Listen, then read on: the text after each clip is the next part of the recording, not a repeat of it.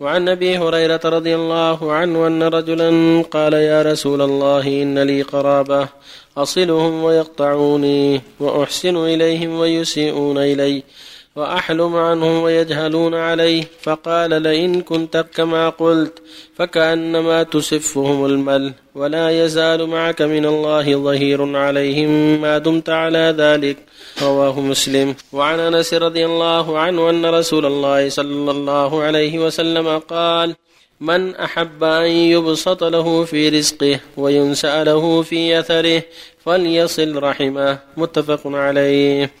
وعنه رضي الله عنه قال كان أبو طلحة أكثر الأنصار بالمدينة مالا من نخل وكان أحب أمواله إليه بيرحا وكانت مستقبلة المسجد وكان رسول الله صلى الله عليه وسلم يدخلها ويشرب من ماء فيها طيب. فلما نزلت هذه الآية لن تنالوا البر حتى تنفقوا مما تحبون قام أبو طلحة إلى رسول الله صلى الله عليه وسلم فقال يا رسول الله إن الله تبارك وتعالى يقول لن تنالوا البر حتى تنفقوا مما تحبون وإن أحب مالي إلي بيرحا.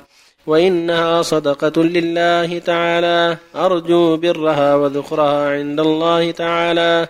فضعها يا رسول الله حيث أراك الله. فقال رسول الله صلى الله عليه وسلم بخ ذلك مال رابح ذلك مال رابح. وقد سمعت ما قلت. وإني أرى أن تجعلها في الأقربين. فقال أبو طلحة أفعل يا رسول الله. فقسم أبو طلحة في أقاربه وبني عمه. متفق عليه. بسم الله الرحمن الرحيم. الحمد لله وصلى الله وسلم على رسول الله وعلى آله وأصحابه ومن اهتدى بهداه. أما بعد هذه الأحاديث تدل على شرعية صلة الرحم والترغيب فيها وأنه يسحب للمؤمن أن يصل أرحامه وأن يحذر القطيعة. كما قال الله جل محذرا من القطيعة. فهل عسيتم إن توليتم أن تفسدوا الأرض وتقطعوا أرحامكم؟ أولئك الذين لعنهم الله فأصمهم وأعمى أبصارهم. وأثنى على الذين يصلون ما أمر الله به أن يوصل. فالواجب على كل مؤمن ومؤمنة صلة الرحم بما يسر الله من مال وكلام طيب وغير هذا من وجوه الخير. ولهذا يقول صلى الله عليه وسلم من أحب أن يبسط له في رزقه وأن ينسأ له في أجله فليصل رحمه. وهذا حث على صلة الرحم. من أحب أن ينسأ له في أجله أن يبسط له في رزقه وأن ينسأ له في أجله يعني في أجله فليصل رحمه. وقال رجل يا رسول الله إن لي قرابة أصلهم ويقطعونني. وأحلم عليهم ويجهلون علي. فماذا تأمرني؟ قال إن كنت كما قلت لكأنما تسفه المل. يعني المل المال الرماد الحامي. ولا يزال معك من الله ظهر عليهم ما دمت على ذلك. فهذا الرجل كان يصل أرحامه يصلهم ويقطعونه ويحلم عليهم ويجهلون عليه ويحسن إليهم ويسيئون إليه ومع هذا صبر. فقال له النبي صلى الله عليه وسلم كأنما تسف المل رماد الرماد من إحسانك إليهم وكراهتهم من المعروف وإنكارهم من المعروف ولا يزال معك من الله ظاهر عليهم. فالله عوين للواصلين معين لهم موفق لهم. إذا صدقوا في ذلك وأخلصوا لله جل وعلا.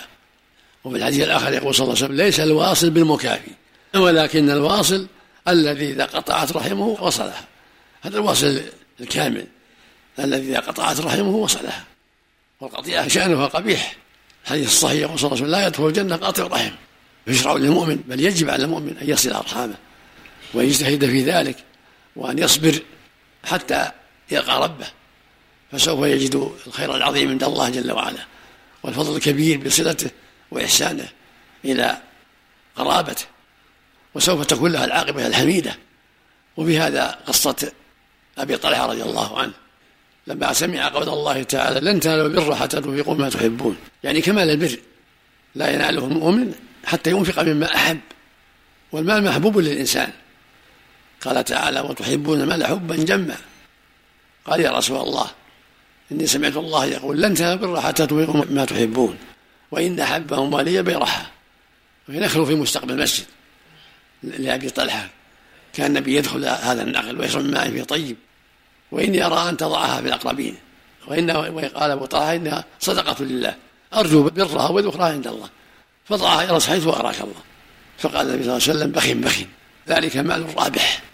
يعني رابح لصاحبه ناجح في الدنيا والآخرة. في اللفظ الآخر مال رائح يعني زائل أو يروح عليك ثوابه وأجره. قد سمعت ما قلت وإني أرى أن تضعها بالأقربين يعني أن توزعها بين أقاربك فوزعها بين أقاربه أبو طلحة كما قاله النبي صلى الله عليه وسلم فهذا فيه الدلالة على فضل صلة الرحم من إخوة وأبناء وأعمام وأخوال وبني عم وبني أخ وأشبههم من الأقارب. كلهم صلتهم فيها الخير العظيم. بما يسر الله من كلام طيب من مشورة من نصيحة من مال من شفاعة لهم في خير إلى غير هذا من وجوه الخير. ومن ذلك المال مواساتهم بالمال. وفق الله جميعا. لو اتفقوا مجموعة من الأقارب على أن يكون اجتماعهم شهري هل في ذلك شيء يحصل عملك؟ لا ما في شيء جزاهم الله بعض الناس يحصل عملك يقول هذه بدعة. لا ما في شيء لا ما في شيء. صلى الله عليه صلى الله عليك. المعتبر في صلة الرحم أحسن الله عليك بما تيسر ما في شيء محدود. أو ما تيسر حتى ولو بالكلام الطيب إذا كان عنده مال. الكلام الطيب يكفي. واللي عنده مال وهم محتاجين يصلهم بالمال. بالمراسلة وبالمكاتبة أحسن الله عليك والمراسلة من صلة الرحم. إذا كانوا ما يسحق والهجر. أحسن عليك إذا كانوا صلة الرحيم غير مسلمين ولو ما هم مسلمين. النبي صلى الله عليه وسلم قال لأسماء لما جاءت أمها تطلب الرفت وهي كافرة قال لها النبي سليها وكان عمر يصل أقاربه في مكة بعد الصلح. كان يصلهم وهو في المدينة. والله يقول جل وعلا في كتابه الكريم لا ينهاكم الله عن الذين لم يقاتلوا في الدين ولم يخرجوكم من الدين أن تبروهم وتقسطوا إليهم إذا كان ما بينهم وبين حرب لا بأس أن نصلهم لأن فيها تأليف في دعوة إلى الخير إذا وصلهم وأحسن إليهم بالمال أو بالمكاتبه يدعوهم إلى الله هذا فيه تأليف ودعوة إلى الخير. صلى الله عليه وسلم إذا كان اقارباء مثلا عندهم دش هل له أن يزورهم ثم ينصرف احسن الله عملك؟ يزورهم وينصح عن الدش وغير الدش عن المنكرات. وإذا أبوا وأصروا على الباطل وأعلنوه استحقوا الهجر.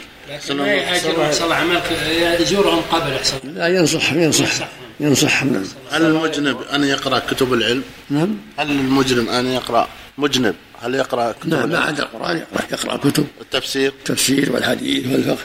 صلى الله عليك. صلى الله عليك. هل مواصلة المكافأة من صلة الرحم؟ نعم. مواصلة المكافأة تعتبر من صلة الرحم؟ نعم. نقول ما دام في حد. مكافأة وصلاة رحم جميعا. أحسن الله زيادة العمر هل هي حقيقية يا شيخ؟ من أحب أن يسأله في إيه يكون, يكون هذا. تكون الزيادة بالبركة وتكون بالزيادة بالسنين. قد تكون معلق قد تكون إنسان كتب الله له مئة سنة على صلة رحمه والآخر كتب له ثمانون على صلة رحمه والآخر ست على صلة رحمه. قدر معلق على هذه الأسباب. رجل ما صلى سنن الرواتب قبل الظهر فصلاهم بعد الظهر فيقول هل يصليها بعد الظهر. كان النبي صلى الله عليه وسلم إذا لم يصليها قبل صلىها بعد.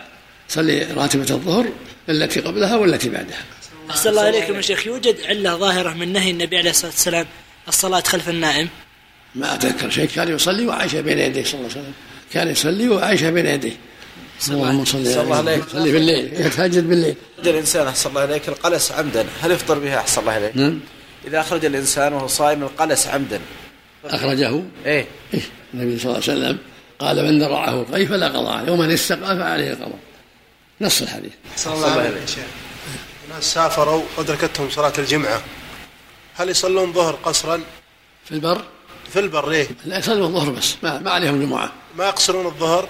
بل يصلوا الظهر اثنتين يصلون ثنتين. ما عليهم إلا الظهر. الجمعة في حق المقيمين المستوطنين. يعني يقصرون الظهر. نعم.